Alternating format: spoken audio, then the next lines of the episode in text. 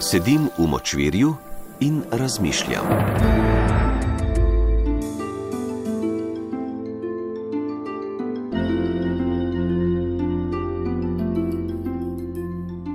Zapisi iz močvirja. Povroč Kostan.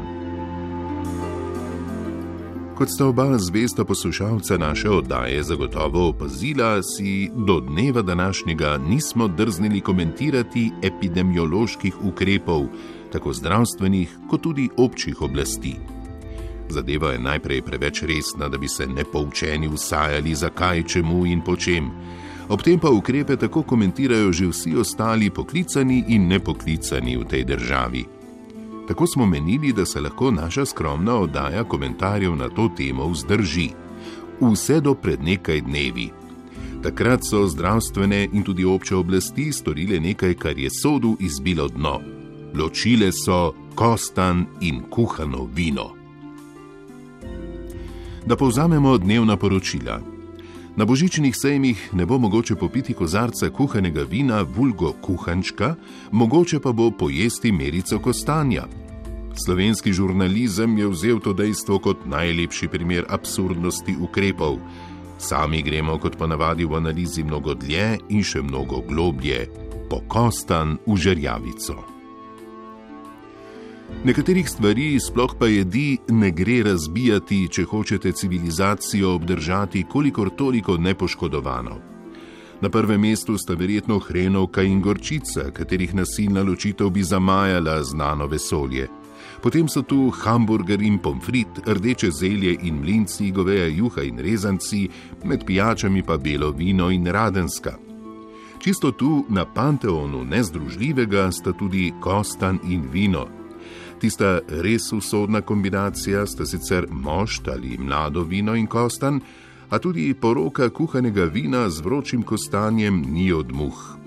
Torej, s tem, ko zdravstvene oblasti ločujejo neločljivo, posegajo v samo esenco, ne le v temelje gastronomije ali ulične hrane, temveč tudi v globoko zakoreninjene obrede, ki bi jih vsaj v adventnem času, kak ambiciozen etnolog že lahko imenoval za narodovo blago. A kot zapoveduje v zadnjem času tako priljubljena uravnoteženost novinarskega dela, moramo pogledati tudi na drugo stran, kjer sedijo snovalci tega in podobnih odlokov, se pravi zdravstvena in tudi obča oblast.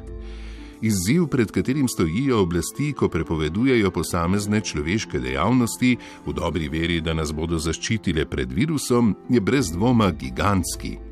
Ampak lotili so se ga pa nesrečno in nerodno tako kot bi se ga lotili uradniki, ki so se k cehu pridružili ob začetku vladavine Marije Terezije. Uradniki razumejo človekovo življenje in njegovo sodelovanje v družbi kot lego kocke, ki se jih razstavlja in sestavlja.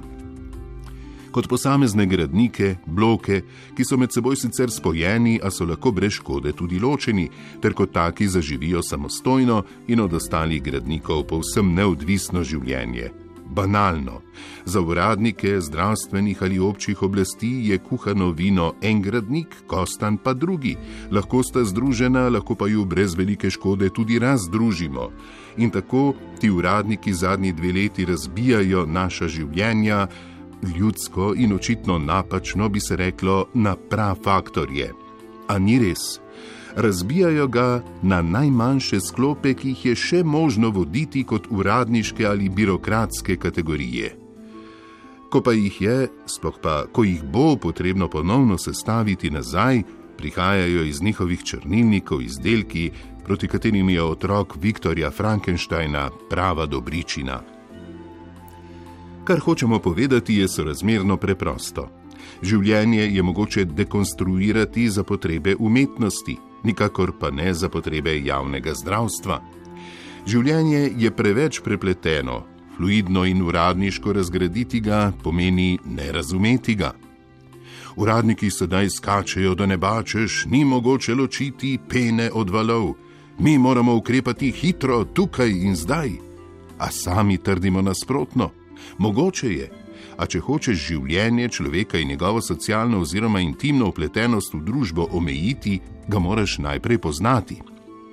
Življenje samo se živi na ulicah, v družinah, šolah, tovarnah, medijih, v pisarnah se odvija le njegova popačena preslikava.